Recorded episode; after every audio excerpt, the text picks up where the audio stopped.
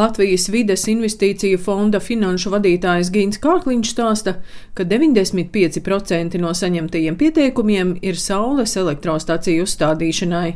Viens projekts var saņemt līdz 15 tūkstošiem eiro, bet atbalsta intensitāte nepārsniedz 70% no izmaksām. Programmā maisaimniecībām noteikti trīs atbalsta virzieni. Pirmais, ja iedzīvotājs savus fosilo kurnāmo katlus nomaina pret jaunas siltumenerģijas ražošanas iekārtu. Fosilais kurināmais tās būs akmeņoglis, dīzeļdegviela, gāze. Viņi var to nomainīt uz granulu kurināmo katlu vai uz saules kolektoriem, kas ražo siltumenerģiju, vai uz siltumsūkņiem. Un iespējams ir kombinēt uh, visas trīs minētos risinājumus. Teiksim, uh, optimālākais risinājums ir siltumsūknis, kuram ir papildus uzstādīts granulu katls, kas nodrošinātu siltumapgāde eh, ziemas lielajos mīnusos. Nākošais ir virziens, kur faktiski nav nekāds nosacījums, ir eh, dziemās mājas pieslēgums centralizētais siltumapgāde dēļ. Maksimālais atbalsts ir 5100 eiro apmērā. Un trešais virziens, kas ir vispopulārākais, tas ir saules un vēja elektrostacija iegāde elektrības ražošanai. Ir divi galvenie nosacījumi. Pirmais - uzstādīto iekārtu jauda nedrīkst būt lielāka par 50% no pieslēgumā atļautās patēriņa slodzes. Respektīvi, ja dzīvumā mājā ir trīs fāžu pieslēgums 16 ampēra ievadsstrāvas aizsardzības lielumu, tad maksimālā elektrostacijas jauda ir 5,5 kW, ko var uzstādīt. Varam valsts sekretāra vietnieks klimata politikas jautājumos Dagnis Dubrovskis stāsta, ka interese par atbalsta programmu maisaimniecībām bijusi liela, un iedzīvotāji arī aktīvi sūtījuši ministrijai savus ierosinājumus, tāpēc programmā veikti grozījumi un papildinājumi. Tika veikti grozījumi šajos noteikumos, attiecīgi samazinot biomasas energo marķējumu klasi no A3 plus uz A. Tas nozīmē, ka daudz plašāk pieejami katli ir arī tirgu.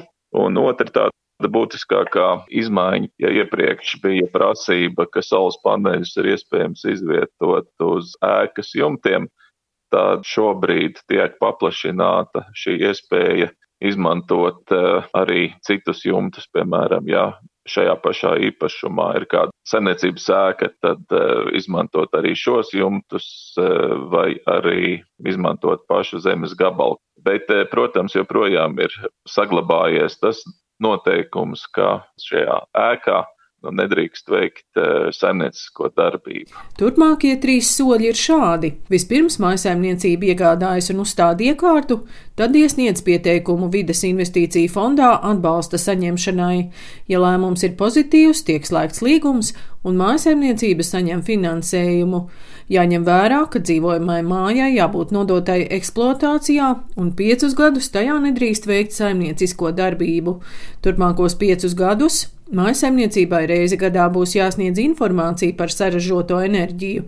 Vides investīcija fonda finanšu vadītājs Gins Kārkliņš stāsta, ka gandrīz visi šobrīd iesniegtie projekti kvalificējas valsts atbalstam. Iespējams, būs pirmiem diviem, trim, e, kas ir paši pirmie iesniedza, kur varētu atbalsts netikt piešķirts, e, jo iekārtas ir iegādātas jau pagājušā gadā vai gada sākumā pirms konkursa noteikumu apstiprināšanas un spēkā stāšanās, bet tie būs divi, trīs projekti, un tie projekti tiks noraidīti. Taču visos pārējos projektos, kurās ir kaut kādīgi precizējumi nepieciešami, taču atbalsts tiks piešķirts. Sākotnēji bija konkursā plānot 20 miljoni, bet finansējums tiks atrasts visiem projektiem, kas atbildīs konkursu nosacījumu un tiks realizēt līdz nākošā gada 31. decembrim. Uz šobrīd pieprasītā summa pat nesasniedz 1 miljonu eiro.